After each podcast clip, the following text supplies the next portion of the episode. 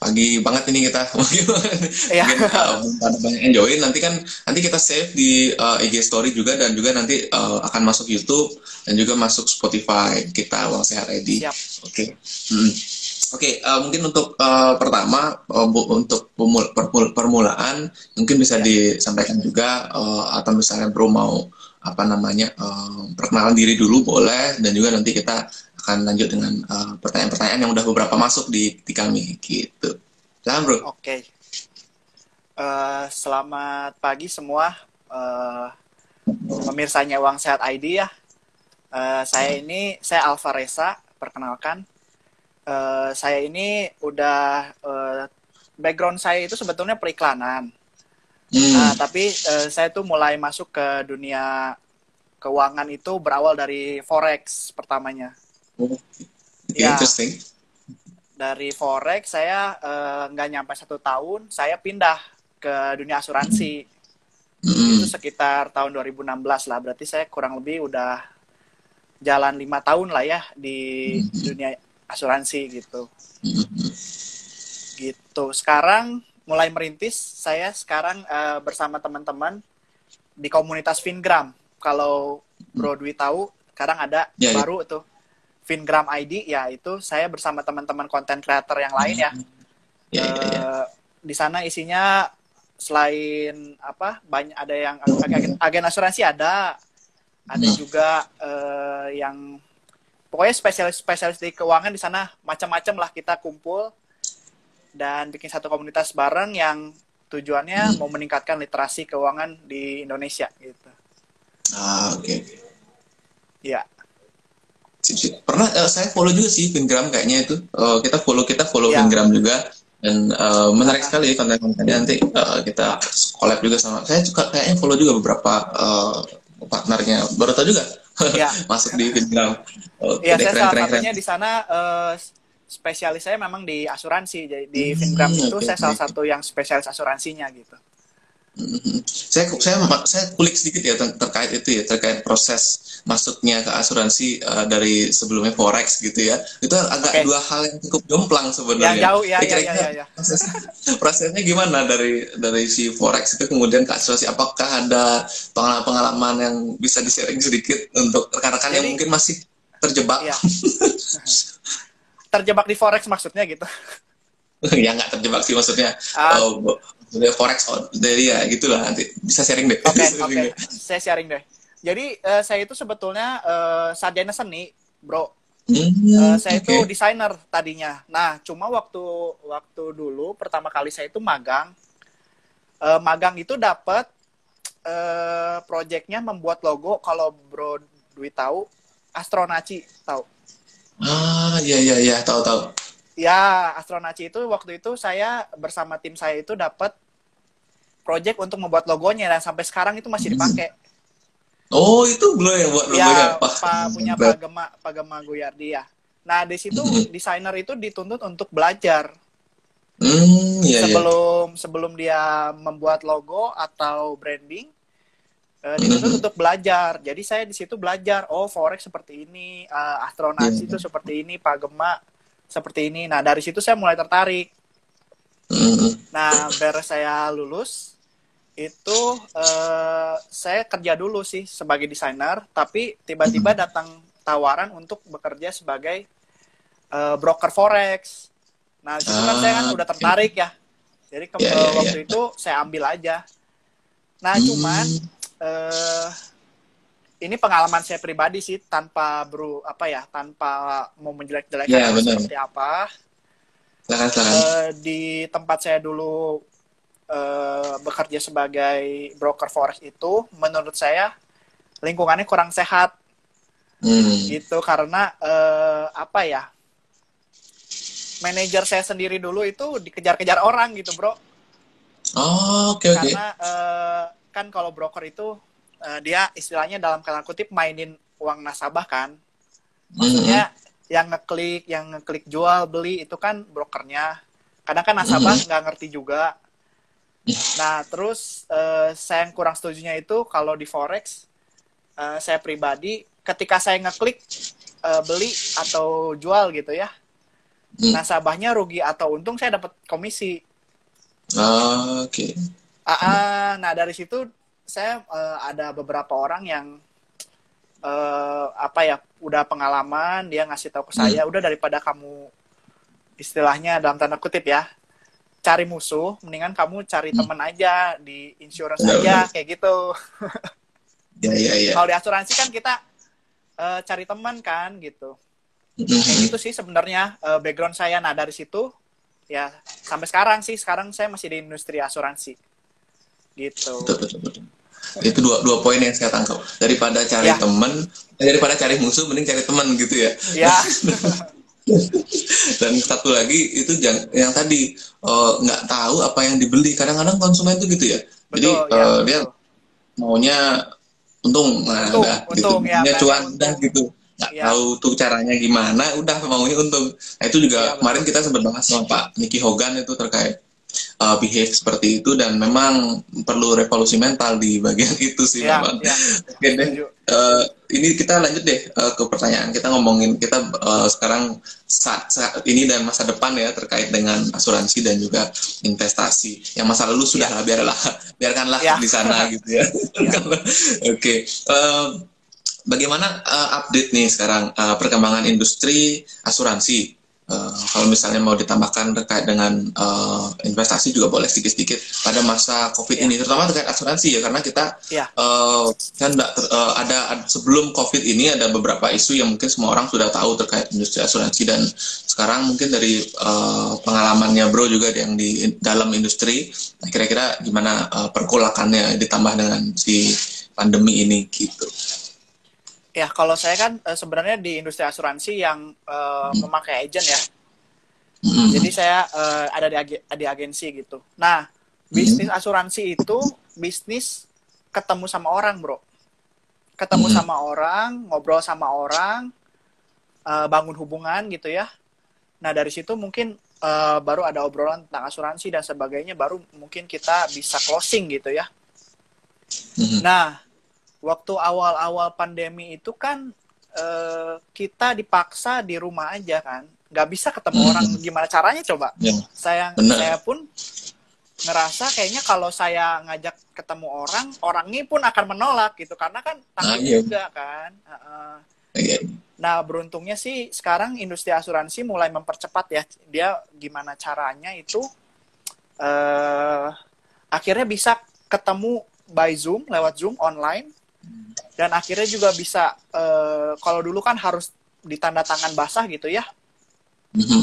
uh, sekarang tuh bisa kayak lewat aplikasi dia tinggal rekam diri sendiri menyatakan kalau saya mm-hmm. sudah mengerti saya sudah menyetujui dan segala, segala macam itu bisa menjadi bukti tanpa tanda tangan bisa pakai OTP bro Oh, okay, Jadi okay. sekarang ya sama OJK pun udah disetujui ya, eh, perusahaan-perusahaan asuransi dengan cepat gitu ya melakukan itu supaya uh, agent-agentnya juga bisa melakukan selling kayak gitu. Ah, okay, Salah okay. satu update-nya itu dipaksa harus lebih uh, apa? Lebih paham teknologi lah gitu. Benar, benar, benar, benar. Hmm. Jadi sepertinya uh, itu dialami juga oleh semua industri ya, termasuk sekolah Betul. juga kan ya, anak-anak juga harus uh, harus bisa untuk beradaptasi. Nah, itu juga itu menarik sekali sih. Mungkin ya, pakai apa ya?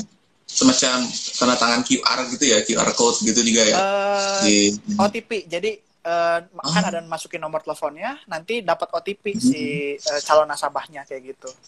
Nah, sebenarnya kan uh, kalau di industri asuransi itu kenapa agent harus bertemu dengan calon nasabah? Itu untuk hmm. memastikan juga apakah calon nasabah ini betul sehat, apakah calon nasabah ini betul ada gitu itu untuk hmm. uh, sebagai pertanggungjawaban juga kepada perusahaan ya. kalau uh, tidak melakukan fraud gitu. Benar-benar. Uh, uh, jadi kelihatan oh ini nasabahnya memang sehat waktu ketemu sama saya contoh Broadway gitu kita kan bertemu secara hmm. offline gitu ya.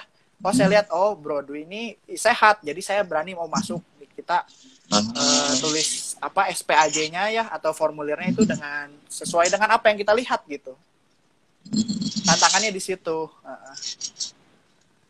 oke oke oke Menarik sekali sebenarnya. Tapi untuk uh, jumlah uh, polis baru gitu misalnya itu nambah apa memang uh, agak kurang berkurang sedikit? Secara Wah, keseluruhan sih, secara keseluruhan ada yang nambah, tapi ada juga beberapa orang yang uh, terkena imbas dari ini secara ekonomi gitu ya. Mm-hmm. Uh, beberapa perusahaan asuransi pun memberikan keringanan seperti kayak uh, bisa istilahnya nunggak ya bisa nunggak oh. bisa bisa yeah, yeah. bayar preminya cuma setengah dulu nah nanti tapi mm-hmm.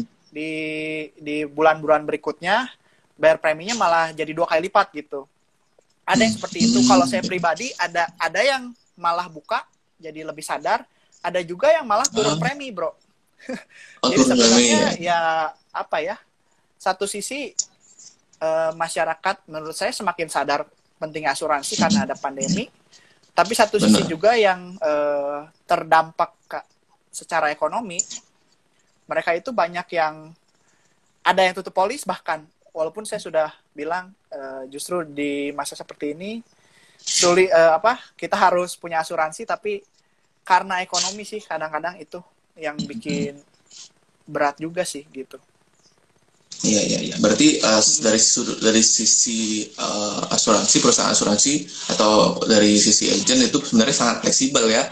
Jadi mirip-mirip ya. lah seperti uh, kita sebenarnya kalau misalnya uh, kalau agentnya melihat ini sebagai hal yang jadi peluang ya mungkin akan jadi lebih bagus. Tapi kalau misalnya agent yang melihat ini sebagai musibah yang besar ya mungkin dia akan diem aja sih. Ya ya ya ya. Gitu. oke deh. Atau bahkan ada agent yang kabur gitu pada saat nggak tahu juga ya. Ah, nggak tahu sih kalau kabur. nggak ada ya, ya. aja nggak ada lah. Jadi di lingkungan saya sih nggak ada. Mm-hmm. nanti nanti kita bahas belakangan itu. Oke uh, ini pertanyaan kedua mungkin uh, lanjut lagi. Nah, ini kan sekarang uh, lagi banyak nih tren-tren uh, investasi, terutama yang generasi milenial, terus generasi yang baru-baru berkeluarga gitu ya. Nah itu ya. uh, gimana sih peran asuransi dalam investasi di berbagai apa terkait dengan instru, uh, berbagai instrumen berisiko yang mereka investasikan. Misalnya ada yang uh, di saham sekarang banyak kan ya sama termasuk risiko tinggi. Kemudian juga ya. ada peer-to-peer lending mungkin uh, baru tahu juga dan juga ada sekarang yang baru tuh equity crowdfunding. Kalau tahu beberapa perusahaan itu sudah diizinkan uh, oh, OJK iya. untuk beroperasi yang mereka misalnya UMKM kita beli sahamnya mereka lewat uh, apa ya, satu platform online itu. Ya, nah, ya, mungkin ya. bro ada pengalaman-pengalaman terkait uh, klien yang mungkin uh, ini aman nggak sih kira-kira uh, bisa nggak sih saya uang saya diasuransiin di sini atau kayak gimana konsepnya mungkin? Jadi kan sebenarnya dasarnya asuransi itu kan melindungi ya bro ya. Hmm. Jadi uh, asuransi itu kan bukan investasi. Jadi tapi hmm. sifatnya dia itu melindungi, melindungi aset kita, investasi kita, uh, tujuan keuangan kita itu dilindungi sama asuransi. Nah, cuman yang saya lihat itu di Indonesia itu mungkin ya di lingkungan saya, bayangkan orang tuh pengen investasi aja gitu, tanpa bener, bener. Uh, memanage resikonya. Nah, itu yang saya concern. Jadi banyak orang itu pengen, oh saya pengen beli saham, saya mau investasi reksadana, saya pengen peer-to-peer lending. Jadi pengen cuan-cuannya doang, tapi nggak memikirkan ini uh, resiko-resiko yang mungkin saja terjadi gitu. Nggak punya dana darurat. Asuransi punya tapi kecil gitu ya. Uh, itu banyak banyak sekali terjadi sih bro. Jadi seharusnya seharusnya yang benar itu kan uh, yang penting kita cash flow-nya positif dulu. Bagus benar. dulu. Udah gitu hutang-hutang beres gitu ya. Hutang-hutang konsumtifnya kita udah beres baru kita asuransi dana darurat, nah baru asuransi itu berjalan berbarengan harusnya. Tapi banyak Betul. orang tuh pengen langsung, saya pengennya investasi aja langsung tanpa memikirkan. Ya, padahal kan kalau misalnya nih, kalau misalnya dia punya investasi, katakanlah punya baru mulai investasi udah langsung beli saham misalnya, beli hmm. saham BCA misalnya sekarang dia punya 50 jutaan misalnya ya, tiba-tiba ini kejadian kejadian nyata ya teman saya sendiri. Mm-hmm. dia itu uh, nabung. Nabung dan investasi lah ya. Udah nabung itu untuk menikah dia tuh mau nikah. Mm-hmm. suatu hari uh, tangannya itu kejepit. Tangan si jarinya itu satu buku jarinya itu kejepit pintu besi. Padahal dia orangnya sehat. Setiap hari olahraga hmm. jalan pagi jogging makannya pun sehat. Dan bahkan hmm. dia punya dokter gizi sendiri bro. Hmm. Uh, cum dia tuh punya asuransi cuman ternyata setelah dia tahu asuransinya itu asuransi penyakit kritis bukan hmm. asuransi kesehatan. Jadi hmm. begitu si jarinya kejepit ini dia lari ke rumah sakit ya dibawa sama pasangannya. Uh, telepon kan ke CS ternyata nggak bisa di cover ini kan kritis katanya. Oh bukan maksud penyakit kritis bukan dalam keadaan kritis yeah, yeah, nah, yeah. tapi untuk penyakit-penyakit kritis nah akhirnya keluar uang sekitar 28 juta, 30 juta tadinya. Cuman karena hmm. dokternya kenal jadi sekitar 28 juta kan. Tadinya dia nabung buat nikah gitu kan, jadi nggak jadi. Nah itu kan salah satu resiko yang kita nggak pernah tahu gitu. Kita sehat, kita gaya hidupnya olahraga segala macam, tapi tiba-tiba kejepit tangan kejepit pintu besi kan kita nggak pernah tahu. Nah ya, kita betul. kan nggak bisa nggak bisa kontrol hal-hal seperti itu ya. Benar. Tapi kita bisa meminimalisir resiko gitu. Salah satunya ya dengan asuransi. Kayak ya, gitu. Ya, ya. Itu ya, sih bener, peran bener. peran asuransi dalam investasi gitu. Jadi untuk melindungi hmm. sih asuransi itu sebenarnya semuanya melindungi ya. Sebenarnya untuk Betul. melindungi apa pun. Tadi berarti itu hati-hati juga mungkin banyak yang uh, beli asuransi bukannya nggak boleh, atau bukannya kita tidak mungkin bukannya bro tidak merekomendasikan ya untuk beli penyakit kritis asuransi ya, dengan bukan, bukan. apa istilahnya sih? kalau bahasa asuransinya riders gitu ya ridersnya ya, penyakit kritis kan gitu tapi uh, ada istilahnya apa ya uh, hal-hal yang di luar itu maksudnya accidental gitu ya. Ya betul. Nah bro misalnya gini kadang kadang-kadang kan banyak sekarang kan sudah wajib ini ya BPJS gitu ya. Nah misalnya saya udah punya BPJS nih uh, kira-kira saya masih perlu nggak sih punya asuransi kesehatan tadi ya? Uh, saya cuma butuh uh, asuransi apa istilahnya asuransi jiwa misalnya. Asuransi jiwa kan ya. lebih ini apa namanya untuk terkait UP gitu ya istilahnya ya, uang pertanggungannya berapa miliar dan lain sebagainya. Apakah kira-kira ada ini ada pengalaman kira-kira yang seperti itu? Sebetulnya asuransi swasta itu saling berapa ya? Saling melengkapi dengan BPJS. Hmm. Uh, sebenarnya kalau kita punya BPJS itu keuntungannya kalau misalnya kita ke dokter cuman hmm. yang kayak misalnya flu atau batuk ke dokter itu bisa di cover sama BPJS atau ke THT atau gigi itu bisa di cover BPJS. Hmm. Nah, tapi kalau misalnya kita sudah merasa nyaman pakai BPJS, misalnya kelas 1 hmm. gitu. Menurut pribadi itu cukup ya nggak apa-apa BPJS aja. Gitu karena saya pun punya uh, calon istri saya punya orang tua, dia itu hmm. cuman punya BPJS. Uh, waktu itu sempat uh, kena serangan jantung dan harus di bypass. Oh. Nah, tapi ya salah satu kekurangan di BPJS itu kita kan harus ngantri ya. Kecuali memang si keadaannya memang udah harus memaksa. Mm-hmm. Nah, itu kebetulan pengalaman uh, orang tuanya itu karena memang keadaannya sudah sangat urgent. Mm-hmm. Jadi dia uh, antriannya dinaik-naikin gitu. Tadinya antrian mm-hmm. misalnya antrian ke-10 tiba-tiba dia antrian kedua. Mm-hmm. Kayak gitu. Jadi dia ngukur secara itu si BPJS. Tapi keuntungan lain menurut saya kalau misalnya kita merasa uh, kalau saya pribadi nih ya. Saya satu mm-hmm. keluarga, ini saya kan belum menikah. Satu keluarga orang tua saya, adik saya pun punya BPJS.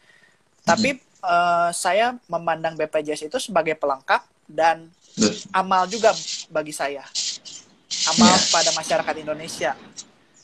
Kenapa? Karena sebetulnya BPJS itu kan dirancang pemerintah untuk masyarakat-masyarakat yang kurang mampu.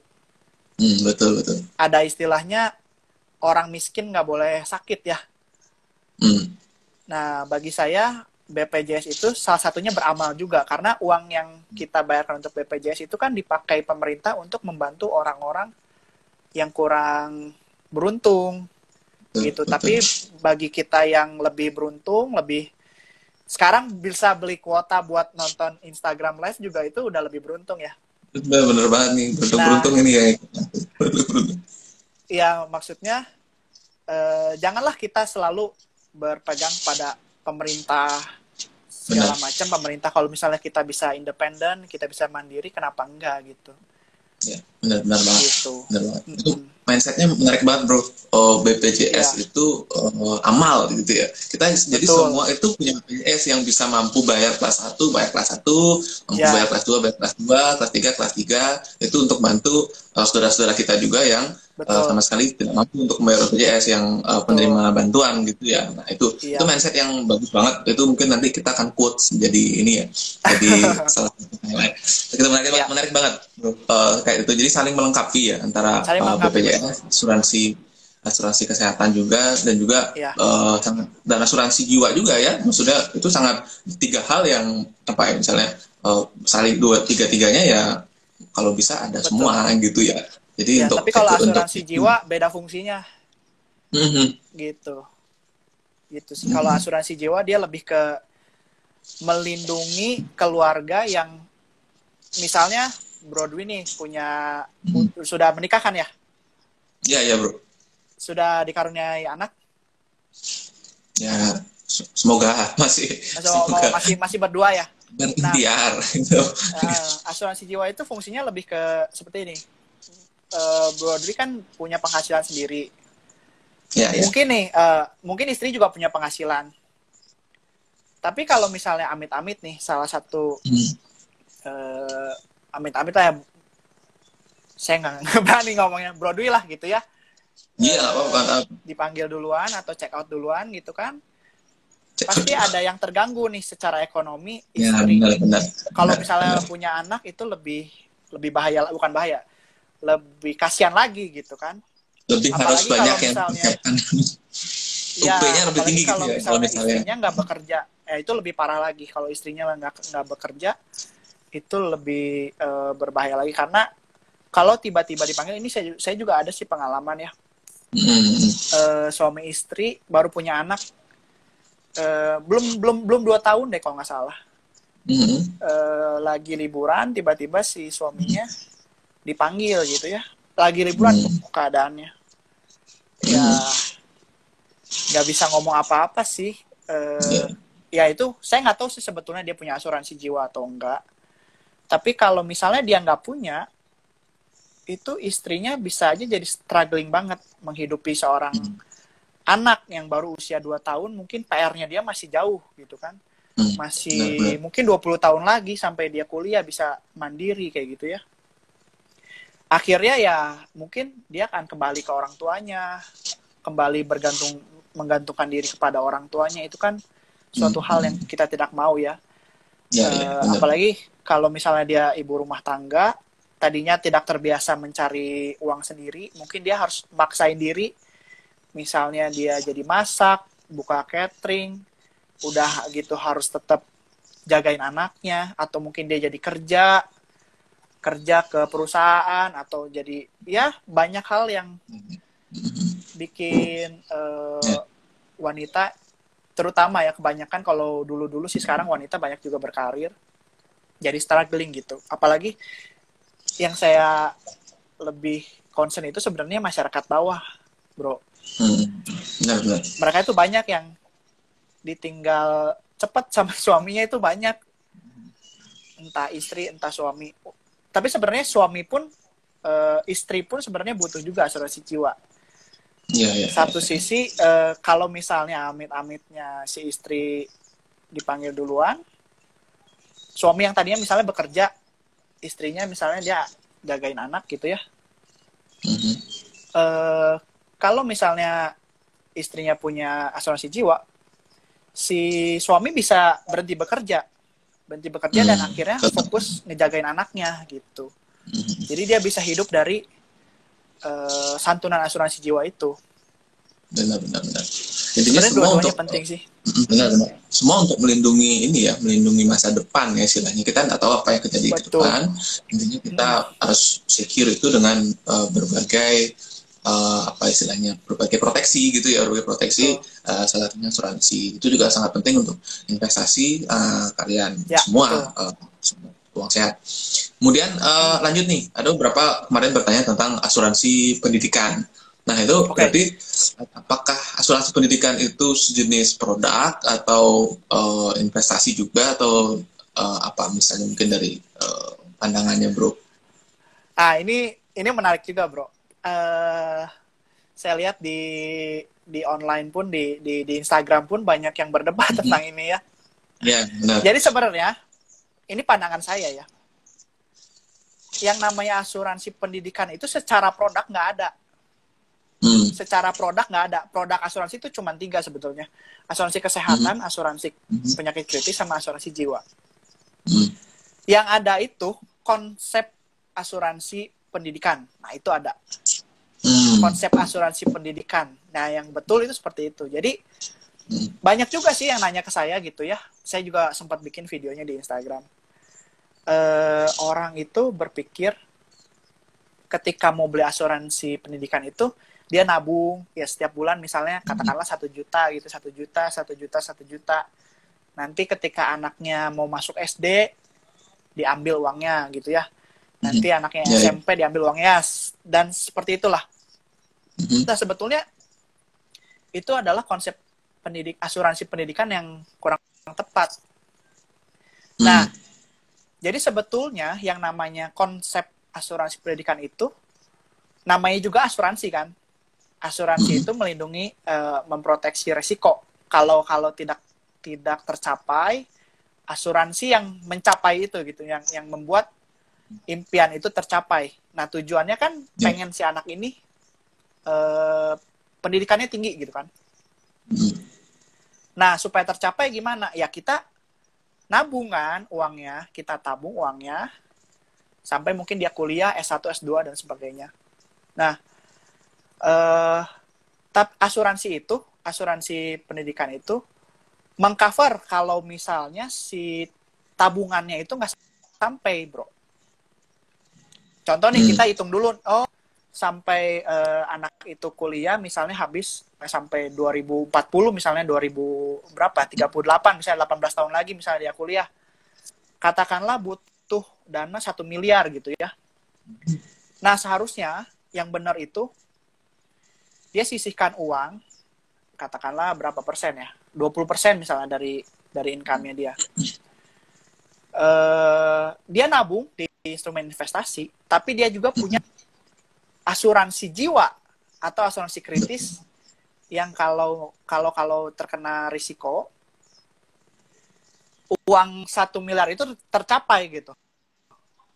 Ah, oke. Okay. Nah, uangnya itu dipakai buat apa? Untuk pendidikan si anaknya. Hmm.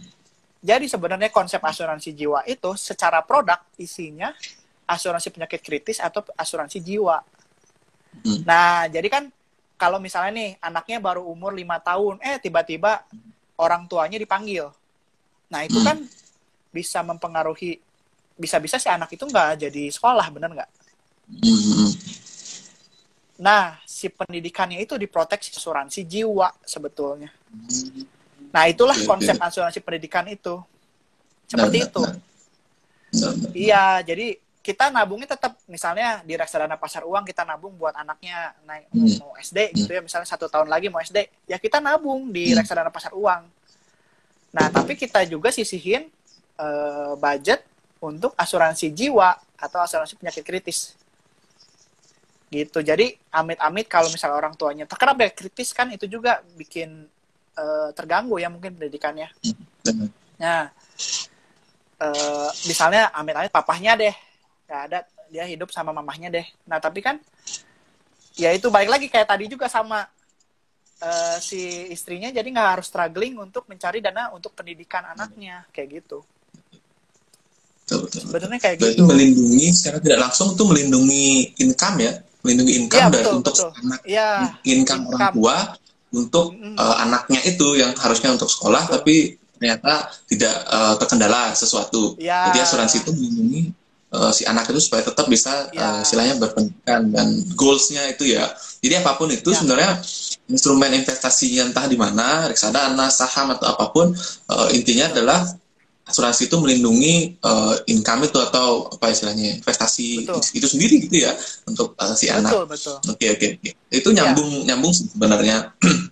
nyambung sebenarnya sama pertanyaan berikutnya terkait uh, bukan hanya di uh, Q&A tapi sempat sering saya juga dulu sempat ada ini waktu saya kan sempat di Jakarta juga dulu itu sempat uh, apa ya ikutlah uh, beberapa kali di uh, di beberapa agent gitu tapi uh, sayanya kurang tekun gitu jadi akhirnya nggak ya. lanjut gitu tapi sekarang malah malah malah uh, terjunnya ke dunia keuangan benar ya memang jodohnya di bidang keuangan sih memang kayaknya uh, terus ya. uh, ini sekarang balik lagi tadi asuransi pendidikan ternyata itu adalah uh, ini ya apa bukan produk tapi adalah konsep gitu ya konsep, konsep. asuransi gitu konsep asuransi melindungi Betul. tujuan tujuannya adalah pendidikan betul. kan gitu sebenarnya tujuan yang lain ya. pun bisa di, di, dilindungi dengan itu ya, ya misalnya tujuan betul, betul. seperti uh, pensiun ya. rumah ya. pensiun nah misalnya gitu ya oke oke oke berarti ya, asuransi uh, dana pensiun sebenarnya sama mm asuransi dana pensiun pun sama hmm. sebetulnya sama asuransi pendidikan, tapi tujuannya dia untuk pensiun gitu.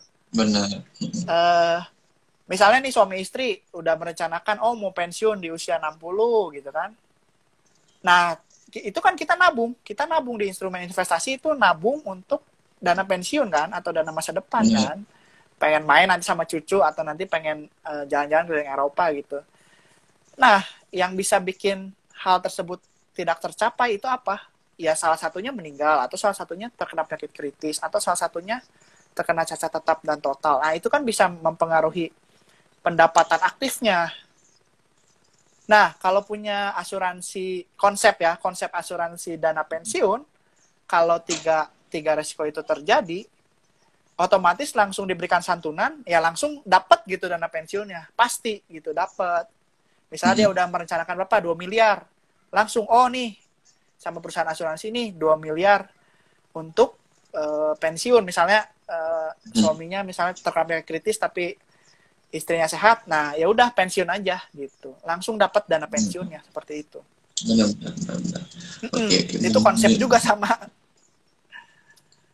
gitu. ya ya ya benar benar benar banget pandangannya seperti itu sudut pandangnya. Kemudian uh, ini terkait tadi kan uh, investasinya boleh di mana aja gitu. Nah kalau pandangannya Bro Alpa sendiri terkait dengan uh, asuransi plus investasi atau biasa kita kenal dengan unit link gitu ya. Nah itu kira-kira gimana Bro? Kalau pandangan saya sebetulnya unit link itu bagus jika digunakan sesuai dengan fungsinya sih Bro.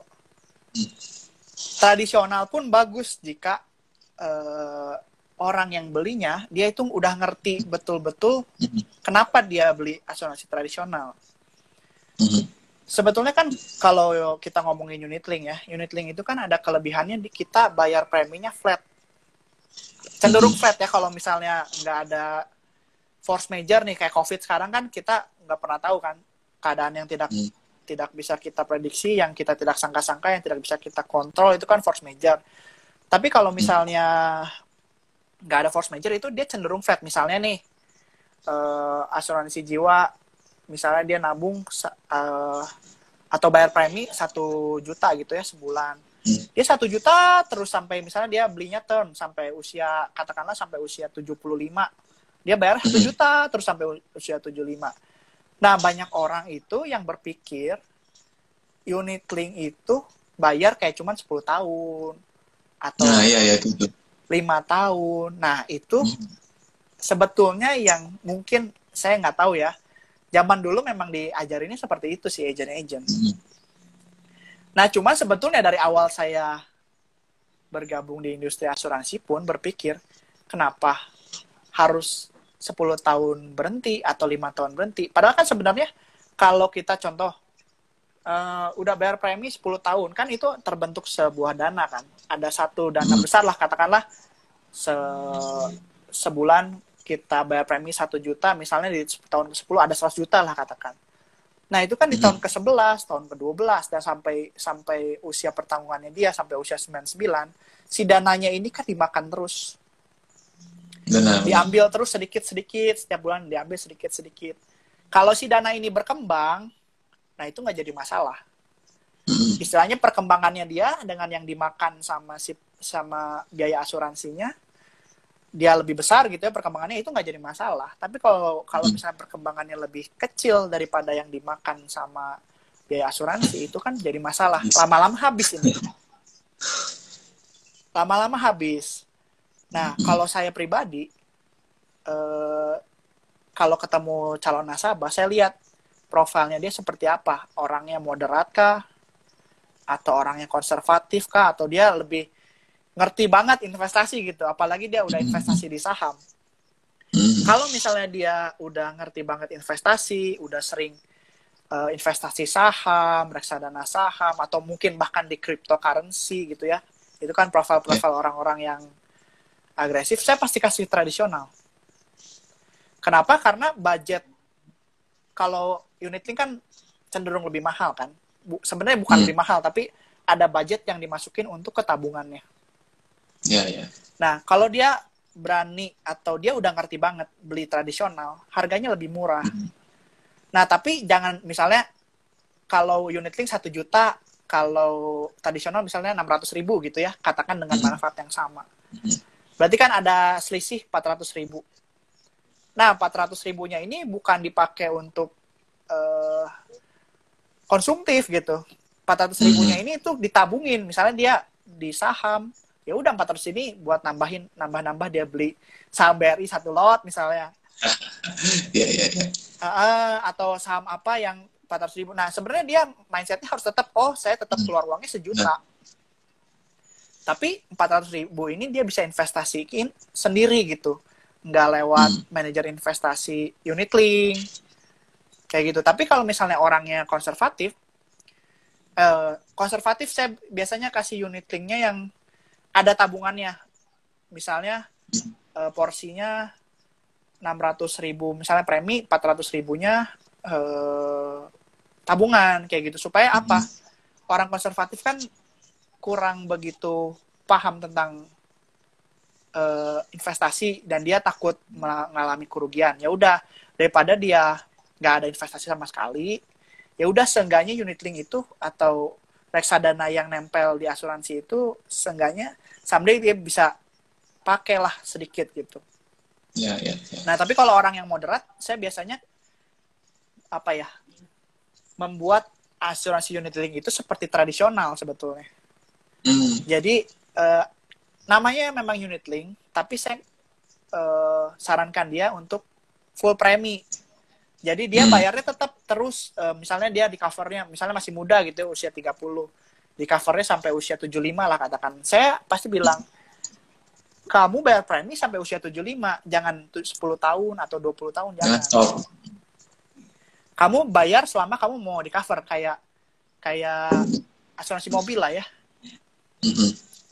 Memang ini ada tabungannya tapi porsinya kecil, tapi kamu bisa nabung di luar.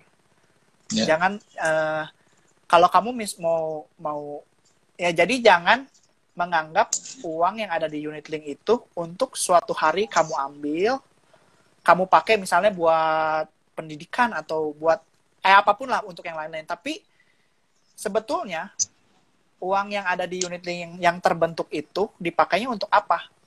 Contoh nih, lima tahun yang lalu kita punya unit link. Mm-hmm. Tiba-tiba 2020 Maret terjadi COVID. Mm-hmm. Kayak sekarang ini. Banyak orang yang ekonominya terganggu kan. Nah, uang yang ada atau dana yang ter, terkumpul di unit link ini dipakai untuk apa? Untuk kita bisa cuti premi. Nah, ini kan hal-hal yang kita tidak pernah tahu kan. Bisa terjadi COVID atau uh, misalnya uh, kena PHK gitu ya. Ya, ya. Udah mah uh, apa? Udahnya apa? kita kena PHK, bayar asuransi nggak bisa, itu kan cenderung lebih stres ya. Benar, benar, benar. Cenderung lebih stres, orang stres cenderung lebih sakit. Nah, sebenarnya dana unit link itu dipakai buat, misalnya saya udah nggak bisa bayar nih, ya udah cuti premi aja. Asuransinya tetap jalan, perlindungan tetap jalan, sampai kita menunggu ya mungkin keadaan lebih baik kita juga cari uh, penghasilan tambahan. Jangan diem aja ya cari penghasilan tambahan kerja. Mungkin mulai ya kalau waktu awal-awal covid kan banyak yang masak gitu ya bro ya. Uh, jualan ke teman-temannya ke tetangga segala macem. Nah itu ketika ekonomi kita udah mulai stabil lagi ya kita bayar lagi gitu Ya, Tapi ya, si ya, dana unit link itu menjadi dana cadangan. Kalau kalau terjadi hal-hal seperti ini gitu. Ya, ya, ya, ya. Gitu. Sebetulnya Benar bagus sih. unit link. Jadi, Hanya jadi banyak mindset- orang berpikir uangnya itu nanti suatu hari mau saya pakai. Itu sebenarnya mindsetnya itu tuh yang ya agent-agent juga ya nanti nabung 10 tahun lagi ada 100 juta loh ya lumayan kan hitung-hitung nabung nah itu sebenarnya mindset yang kurang tepat gitu jadi sebenarnya dananya itu untuk cadangan gitu sih kalau saya ya Oke oke oke. Jadi mindsetnya itu itu. dana dana unit link itu tetap tujuannya untuk eh, proteksi juga ya, proteksi saat Betul. eh, si nasabah tidak bisa eh, membayar premi kan gitu, atau misalnya Ya, betul. eh, ya, ya tadi yang eh, yang tadi statementnya itu yang dimakan terus, jadi akhirnya nanti Ya. ya, kadang-kadang gitu. Dulu awal-awal saya eh, dikasih tahu juga untuk eh, asuransi jadi agent itu juga gitu lima tahun aja nabung eh, di unit Hmm. di ini produk ini terus nanti ke depan udah nggak usah lagi wah menarik juga sebenarnya gitu saya mikir Ya. karena kan masalah di kita kan orang-orang kita mostly ya rata-rata itu tidak bisa disiplin nah kemudian Betul. si produk ini membuat eh, masyarakat bisa disiplin at least lima tahun gitu, atau 10 tahun Ya. lalu setelahnya udah nggak usah mikirin lagi gitu nah tapi ternyata sekarang eh, beda ya kalau misalnya ternyata masih mau diproteksi atau masih mau mungkin nanti dapat oh, mungkin ya nggak berekspektasi banyak gitu tapi mungkin nanti dapat hasil dari unit linknya atau Ya. eh, be- di saat pensiun gitu umur berapa 75 tadi berarti eh, keep Ya. aja unit bonus di Hmm, ya, ya. Tapi in case uh, sewaktu-waktu misalnya uh, saya mau uh, tadi kan stop ini ya, stop bayar premi gitu. Stop bayar premi setahun gitu misalnya. Uh, Tapi udah 10 tahun nih bayar, saya mau stop dulu deh tahun ini. Tapi kan masih jalan kan, berarti perlindungannya kan masih, masih jalan, jalan sampai 75. selama selama si uangnya Berarti- masih ada yang masih masih balance-nya masih cukup untuk membayar eh, apa biaya asuransinya itu masih bisa. Gitu Berarti konsep bayar eh, konsep bayar premi 10 tahun untuk sampai umur 75 itu sebenarnya masih masih masih masuk sih ya, tapi mungkin nanti Ya. pada saat akhir periode itu dapatnya tidak sebanyak itu gitu ya untuk apa? Ya.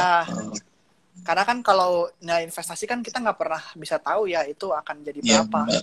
kalau Benar, misalnya benar. perkembangannya lebih tinggi daripada biaya asuransinya ya itu bagus tapi kalau biaya perkembangannya lebih rendah daripada yang dibutuhkan untuk bayarnya lama-lama habis gitu Hmm.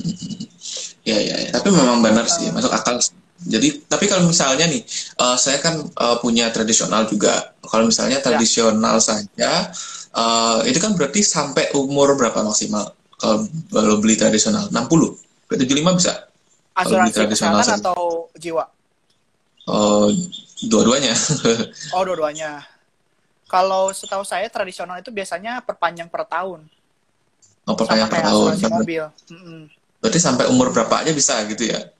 bisa sampai umur 99 Hmm. gitu pokoknya selama kita bayar eh, bayar premi ya bisa Hmm, ya, ya, ya, ya.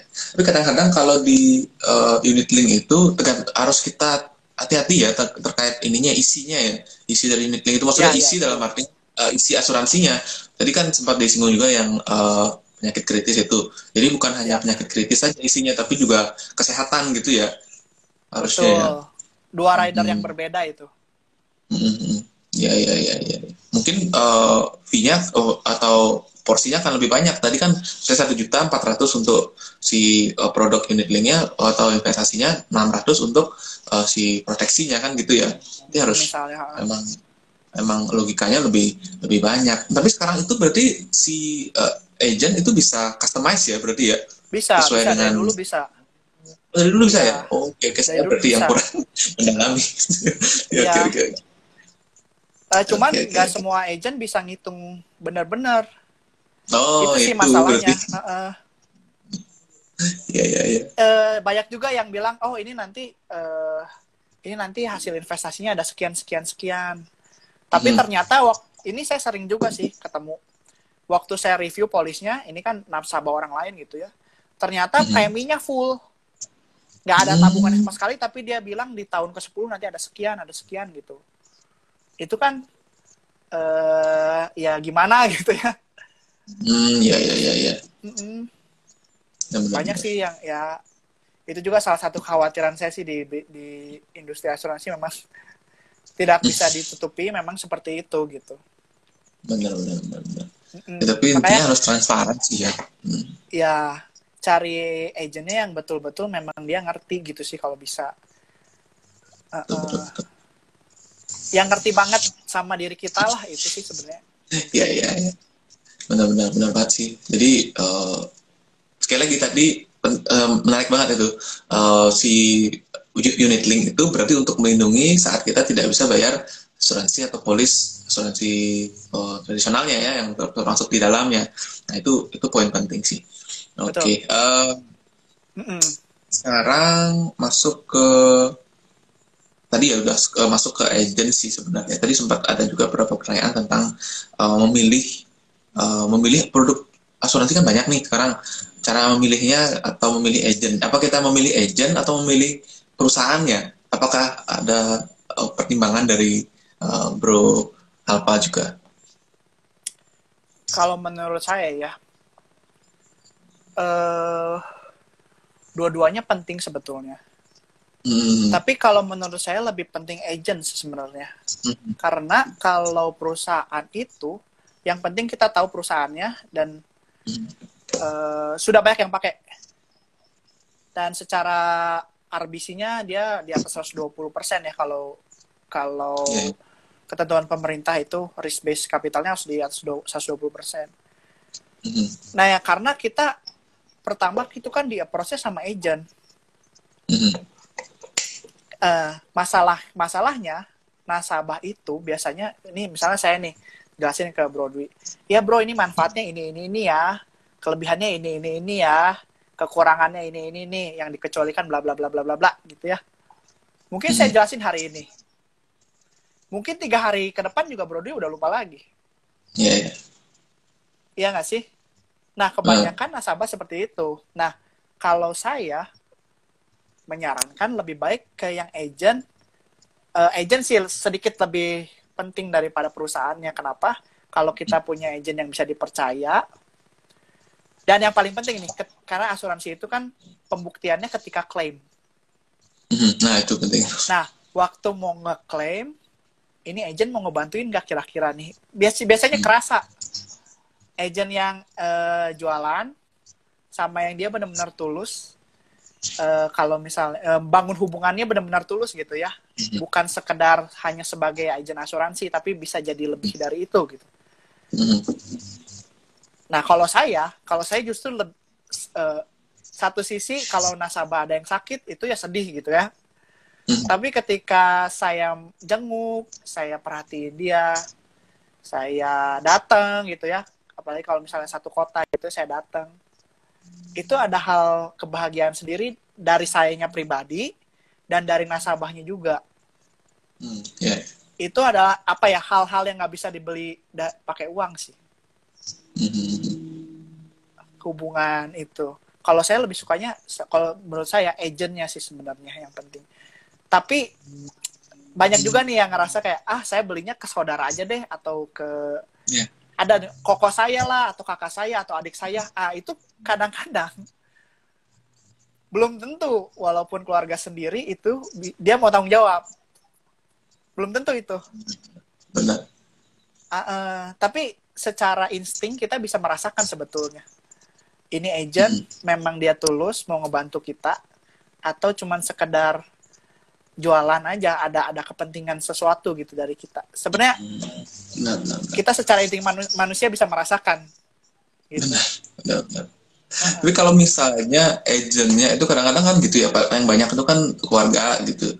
Saya terus dia join, tapi ternyata akhirnya si eh, orang itu, si keluarga dekat itu eh, nggak lanjut lagi jadi agent. Ya. Nah itu berarti eh, berarti dialihkan ke agent lain berarti ya?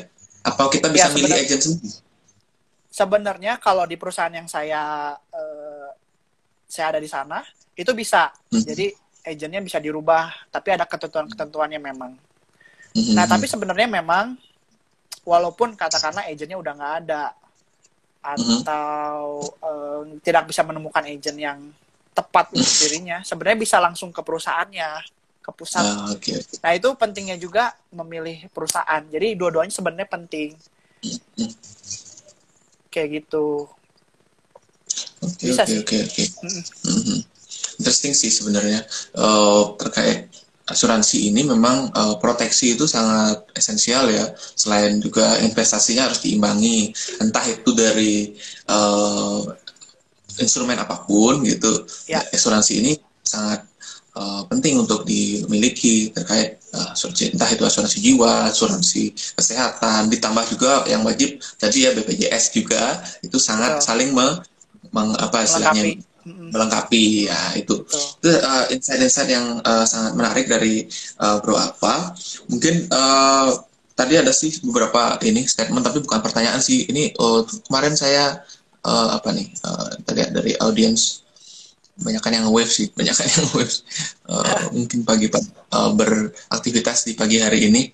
Pernah juga uh, masuk rumah sakit 48 juta terus ke dalam lima hari bersyukur punya asuransi. Oke dari Stephen nah ini uh, memang beberapa uh, ya memang itulah dia asuransi itu untuk proteksi ya proteksi hal-hal yang tidak di uh, tidak kita ya inginkan dan kita tidak ya sangka-sangka terjadi. Tadi ada beberapa story yang diceritakan Bro Alpha juga nanti mungkin uh, bisa di di rewind yang saya baru baru join juga. Uh, mungkin dari saya pribadi uh, sangat appreciate uh, waktunya. Terima kasih banget. Mungkin bisa di uh, kasih closing statement terkait apa ya asuransi dan investasi tadi ya. Kan itu dua dua hal yang menjadi headline-nya Bro Alpha juga. Uh, mungkin bisa dikasih beberapa uh, pesan-pesan untuk audiens semua. kalau pesan saya eh jangan mengabaikan yang namanya asuransi sih. Sebelum kita investasi apa pun itu itu ya seperti kita membangun sebuah rumah eh itu harus ada fondasinya nanti baru ke temboknya baru nanti atapnya gitu ya Mhm. ini videonya rusak kah kenapa ya Oh, kalau Ya. video hilang.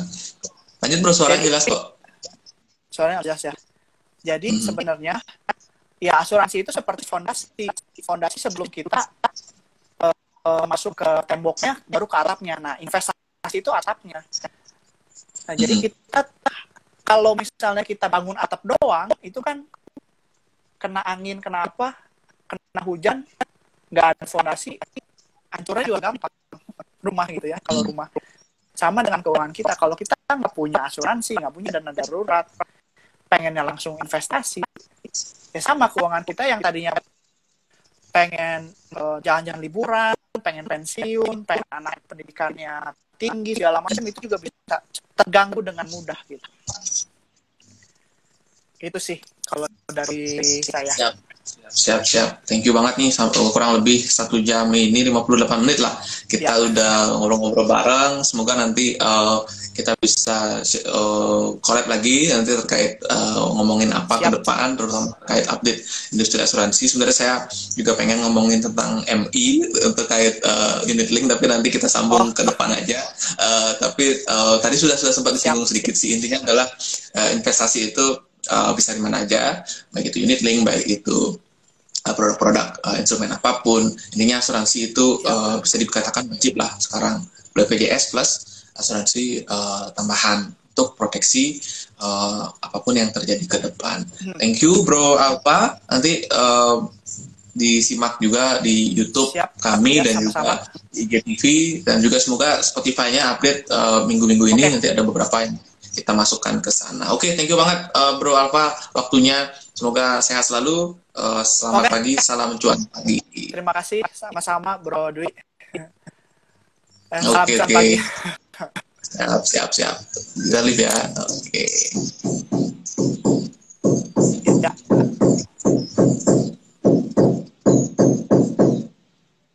Oke, thank you yang sudah join cuan pagi hari ini. Meskipun tadi ujungnya hilang videonya itulah teknis kita di era baru ini. Banyak hal yang uh, tidak di luar perkiraan kita ya seperti tadi ya, di akhir. Tapi intinya adalah uh, di hari ini kita banyak mengambil pesan-pesan positif dari Bro Alvareza uh, banyak hal juga saya pribadi juga hmm, terkait dengan asuransi dan juga kaitan dengan investasi. Lalu kita sehat secara keuangan sehat juga secara uh, apa istilahnya mindset di mana asuransi itu membuat kita sehat secara mindset di mana kita ke depan itu fokus dengan uh, apa istilahnya apa yang kita punya sekarang kita bisa fokus dengan yang ke depan itu kita sudah terproteksi oleh asuransi. Itu semoga uh, menjadi apa istilahnya menjadi hal-hal yang bisa diambil oleh audiens semua. Nanti sampai jumpa di uh, edisi uang sehat talk sepertinya. Semoga weekend ini ya kita sudah ada dua pembicara sebenarnya yang masih yang sudah mungkin 90% uh, approve. Salah satu tadi sempat join juga di awal-awal pagi uh, nah, salah satu selebriti ya, selebriti uh, mungkin sudah banyak yang tahu uh, meskipun uh, beliau sekarang sudah tidak terlalu aktif di TV. Uh, tapi satu lagi adalah uh, dari dari sorry dari salah satu kementerian Kementerian kalau boleh saya sebut Kementerian Pariwisata dan uh, Ekonomi Kreatif. Jadi semoga kita bisa juga uh, antara minggu ini atau minggu depan. Oke, itu dulu uh, sahabat Uang Sehat. Salam jalan sehat. Sehat selalu. Thank you.